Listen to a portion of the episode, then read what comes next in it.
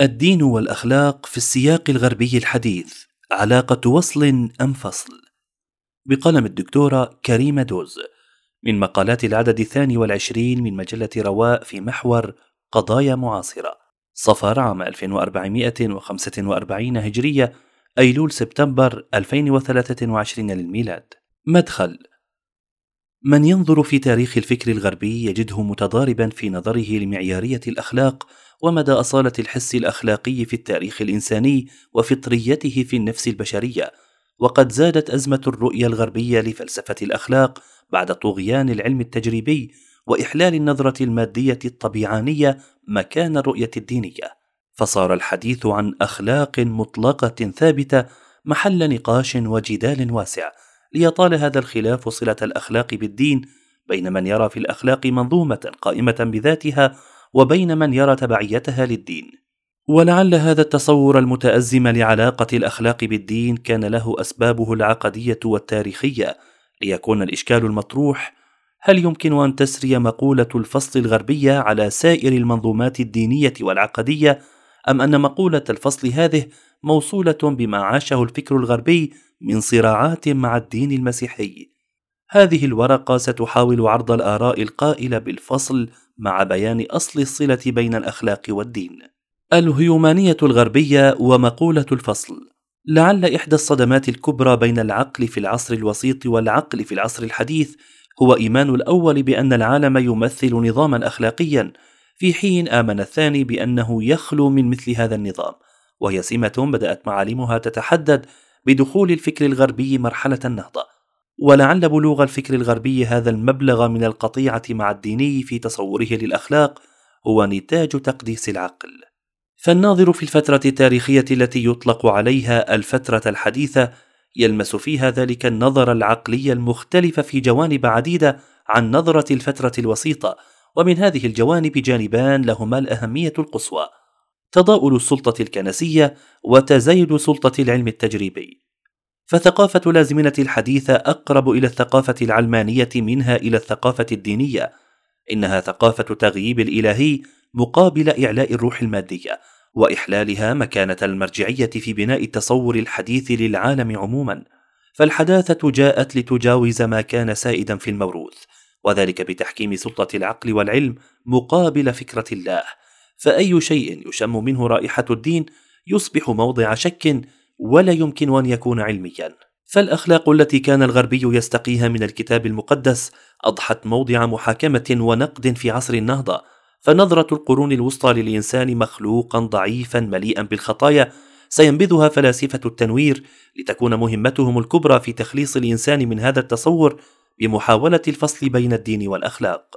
ذهب علماء التنوير في القرن الثامن عشر إلى القول بضرورة فصل الأخلاق عن الدين. وقد كان لنظرتهم هذه أسبابها التاريخية والموضوعية المتمثلة في تخويل السلطة المطلقة للكنيسة ورجالاتها التي لم تقف عند الوساطة الروحية وبيع صكوك الغفران بل توسع طغيانها ليشمل الفكر والعلم. فكانت الكنيسة هي التي تحدد أغراض العلم وتسن نظم البحث وكل رؤية جديدة للكون تعتبر مخالفة لما سطر في الكتاب المقدس ترفض ويتهم صاحبها بالهرطقة. بل إن الشواهد التاريخية تحيلنا إلى ما مارسته محاكم التفتيش من حرق وتعذيب لجملة من العلماء الذين لم يرضخوا لخرافات الكنيسة ولم ترضهم تفسيرات الكهنة. فهذه الأحداث المتشابكة والصراعات المتأججة بين الكنيسة والعلم أدت إلى ميلاد جديد لنهضة فكرية وزيادة في سخط الناس على ما لديهم من عقائد عتيقة فأعلنت الحرب على كل نوع من أنواع السلطات وطولب بحرية الفكر وأصبح الحق في نظر الناس ليس ما اعتبر حقا منذ قرون ولا ما قال عليه فلان وإنما الحق ما برهن عليه واقتنعت بكونه حقا. ورويدا رويدا بدأ انسلاخ الفكر الغربي من النظرة الدينية السائدة عن الكون والإنسان حتى أعلن مارسيلو فاسيو عميد فلاسفة المذهب الإنساني في القرن الثالث عشر أن الإنسان لم يعد خليفة الله في الأرض فحسب وإنما شريكه في العلم والإبداع. تعالى الله عن ذلك. فكان من مؤاخذات التنويريين على المسيحية تعرضها لآفتين اثنتين أدت إلى تأسيس أخلاقي مستقل عن الدين وتتمثل هاتان الآفتان في واحد الخرافة واللا عقلانيه حيث طغت بحسبهم الصفة الخرافية على المعتقدات المسيحية فكادت أن تعيد الوثنية إلى الكنيسة بل عدها أحدهم وهو ديدرو أكثر إهانة للألوهية من الإلحاد نفسه وأحصوا من هذه المعتقدات الخطيئة الأصلية والتثليث والتجسيد وألوهية المسيح وخلاص البشر والتوجه إلى الأيقونات والمعجزات والأسرار. بالإضافة إلى الخرافة التي حظي بها جزء كبير من العقائد المسيحية حسب التنويريين كان لآفة أخرى التأثير البالغ على نظريتهم في العلاقة بين الدين والأخلاق وهي اثنان الصراعات الدينية. كان لاختلاف المسيحيين حول جملة من المعتقدات الأثر الواضح في نشوب الحرب بين الفرق المختلفة حيث استولت على النفوس ألوان من التعصب لهذه المعتقدات توهما لأفضليتها على غيرها وأذكت بين الطوائف المسيحية فتنة عقدية كبرى أدخلتها في حروب طاحنة دامت سنين طويلة على فترات مختلفة وقد دعا هذا التعصب التنويريين إلى ممارسة شديد نقدهم لهذه المعتقدات التاريخية. بل صريح قدحهم في معتنقيها حتى اشتهر عن فولتير قوله اسحقوا الخسيس قاصدا بذلك التشنيع بالمسيحية التاريخية أو بالأخص الكاثوليكية. وقد ضمنوا هذا النقد والقدح مصنفات مستقلة نشر بعضها بأسماء مستعارة أو مجهولة وأثار بعضها سخط الكنيسة وإدانتها. فهذه المعتقدات الخرافية حسب التنويريين والتي أدخلت أوروبا في سنوات مديدة من الحروب والاقتتال جعلت من فصل الأخلاق عن الدين ضرورة ملحة. وفي هذا الصدد يقول فرانسوا جوليان فلم تبقى للأخلاق حاجة لسند الميتافيزيقيا وهو سند مشبوه طالما أن نتائج الميتافيزيقيا لم تعد مقنعة وبناء على هاتين الآفتين اندفع إنسانيو عصر النهضة إلى وضع صيغ متعددة للفصل بين الدين والأخلاق حيث كان انتقادهم لتأسيس الأخلاق دينيا مستمدة من فكرة الثواب والعقاب في الآخرة وتحديدا من التفسيرات الأخلاقية للدين. ومن الأمثلة على ذلك أن الدين في نظر الناقد يعزز الأخلاق لدى ضعاف النفوس الذين لا يرون العمل الأخلاقي امرا يستحق أن يقوم به الإنسان بحد ذاته. وهذا يعني من زاوية نظرهم أن الدين بتلويحه بالثواب والعقاب يحجب إمكانية التطور الكامل لقوى الإنسان الأخلاقية الحرة. لكن هذا النقد عند التنويريين لا يلامس حقيقة الصلة بين الله والإنسان القائمة على التخيير ثم الحساب. فالأصل في صلة الله بالإنسان أنه خيره إن شاء أتمر بأمره وانتهى بنهيه وإن شاء لم يأتمر بأمره ولم ينتهي بنهيه ولم يقف تخييره له عند هذا الحد بل إن شاء أقر بوجوده وعمل بحسب إقراره وإن شاء أنكره وله أن يأتي تصرفاته على وفق إنكاره. ومن هنا كانت حجة التنويريين بأن تأسيس الأخلاق على الدين ومن هنا كانت حجة التنويريين بأن تأسيس الأخلاق على الدين قد يعزز الأخلاق عند ضعاف النفوس أمرا واهيا لأن الله جعل للإنسان حرية الاختيار والتصرف طبقا لقرارة نفسه وما استقر عليه فكره وضميره الإنساني. وما يمكن استنتاجه من هذا العرض السريع لنظرية فصل الدين عن الأخلاق أن قاعدتها الأساسية هي المرحلة المظلمة التي عرفتها أوروبا في ظل تغطرس الكنيسة وما نتج عن ذلك من إراقة الدماء خلال سنوات متطاولة في الزمن الذي لم يفصل عن الأخلاق فقط وإنما فصل عن الحياة بوجه عام ليبقى حبيس الكنائس ودور العبادة. الفكر الغربي ومقولة تبعية الأخلاق للدين. كان من تبعات فصل الأخلاق عن الدين التمهيد لتأسيس أخلاق نسبية فما كان خطأ عندك أو في ثقافتك قد يكون صوابا عند الآخر أو ثقافة أخرى. يقول وولتر ستيس: الميزة الكبرى للنظرة الدينية هي تقديم أساس متين للأخلاق وسط الطبيعة المتغيرة للعالم، وليس أساسا مهتزا وسط رمال الطبيعة البشرية المتحركة. فالقيم والقوانين الأخلاقية هي بالضرورة موضوعية، وتكون القيمة موضوعية إذا كانت مستقلة عن أي أفكار إنسانية أو مشاعر أو آراء للبشر.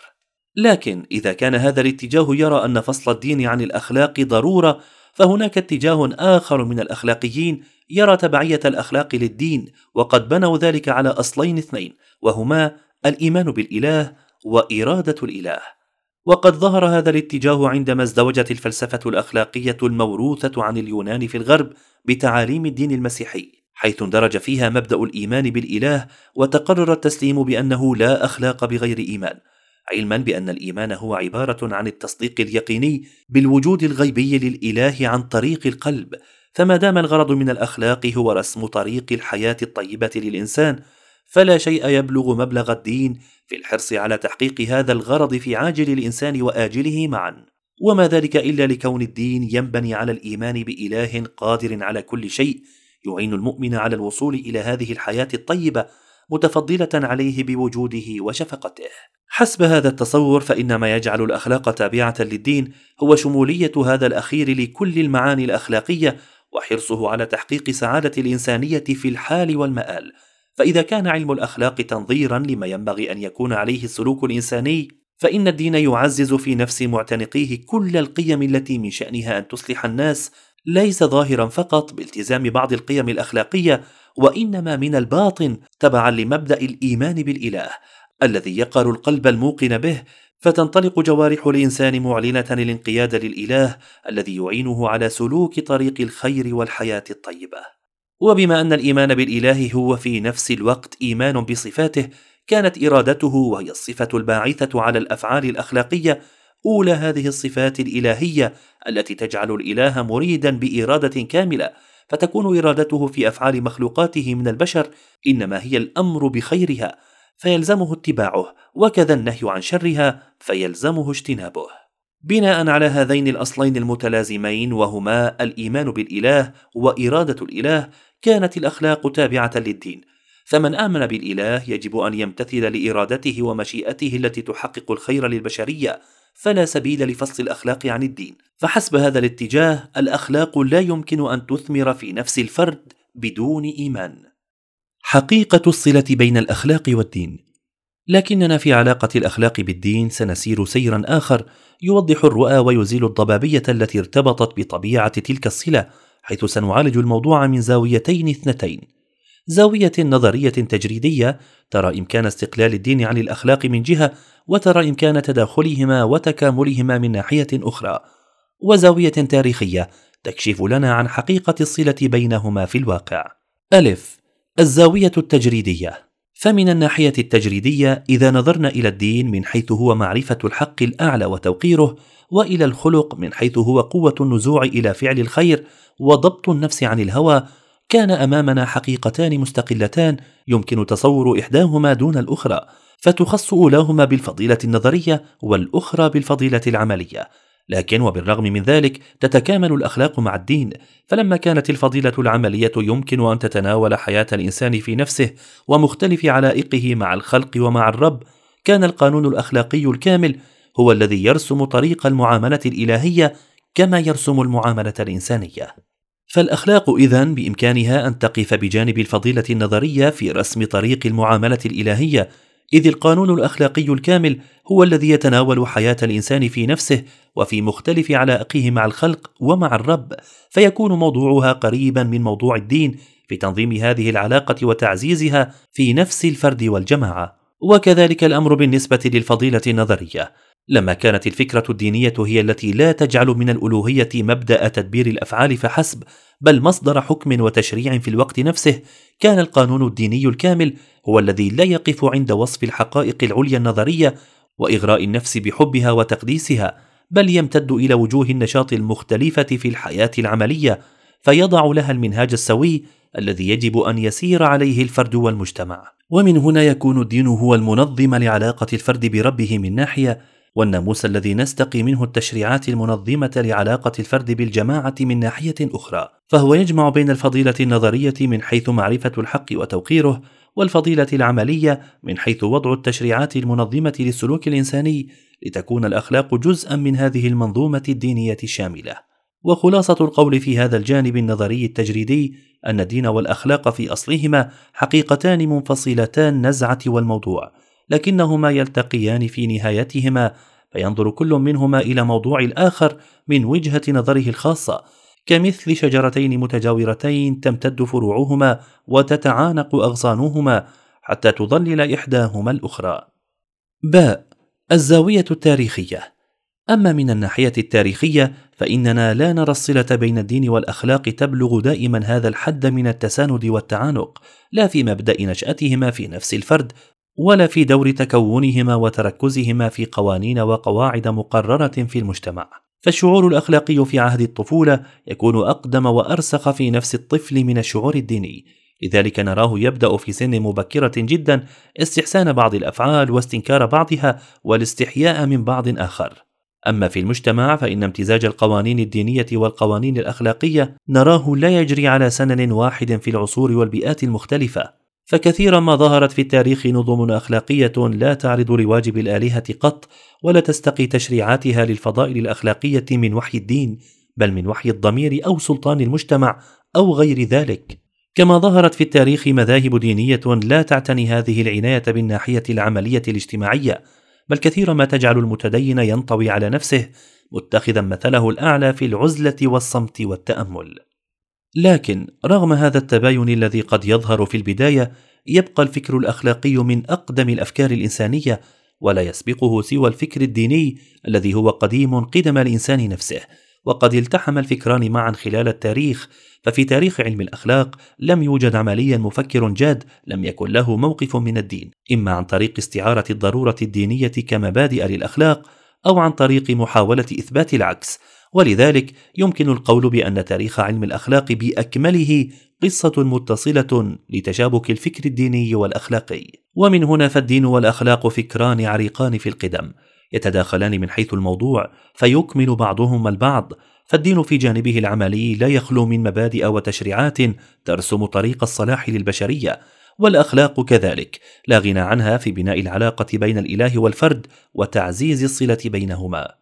ولعل علي عزت بيغوفيتش قد أكد على ضرورة الجمع بين العنصرين اللذين ظلا في اعتقاد كثير من الناس منفصلين. وبين ذلك بمثال يجلى تصوره في مفهوم العلاقة بين الدين والأخلاق استنادا لما ورد في القرآن الكريم من آيات تدل على هذه اللحمة بين الدين والأخلاق حيث قال اقرأ هذه الآية الذين آمنوا وعملوا الصالحات إنها تتكرر بصيغتها أو معناها في القرآن الكريم أكثر من خمسين مرة كأنما تؤكد لنا ضرورة توحيد أمرين اعتاد الناس على الفصل بينهما. إن هذه الآية إن هذه الآية تعبر عن الفرق بين الدين أي الإيمان وبين الأخلاق أي العمل بالصالحات كما تأمر في الوقت نفسه بضرورة أن يسير الاثنان معا. فالأخلاق والدين يجب أن يمضيا جنبا إلى جنب في النفس البشرية لتحقيق السعادة في الدارين معا. فالقول بضرورة الفصل بين الدين والأخلاق عند ثلة من المفكرين الغربيين جاء كما رأينا نتيجة الخرافة المرتبطة بالعقائد المسيحية التي تضاربت مع العقل والفكر الغربي بالإضافة إلى الصراعات الدينية التي أسالت الدماء الأوروبية سنوات مديدة. وعليه يكون الفصل بين الدين والأخلاق ليس حتمية تاريخية تجري على كل الأمم والشعوب وإنما هو ضرورة ارتبطت بالتجربة الأوروبية مع الكنيسة التي أدخلت الغربيين في قطيعة مع الدين. فقد تكون بعض المجتمعات البشرية مؤسسة على نظم اخلاقيه لكن يبقى الدين في جزئه العملي مرتبطا بالأخلاق وتبقى الأخلاق في رسمها لطريقة المعاملة الإلهية كما رأينا مرتبطة بالدين. ولذلك فالإنسان حسب تعبير باسكال يبقى عاجزا عن معرفة الخير الحقيقي والعدل بمعزل عن الإيمان. فالدين والأخلاق اذا متداخلان في الموضوع متكاملان في الغاية فكل منهما يبحث فيما ينبغي أن يكون عليه الإنسان سواء في علاقاته الإنسانية أو في علاقته مع الله.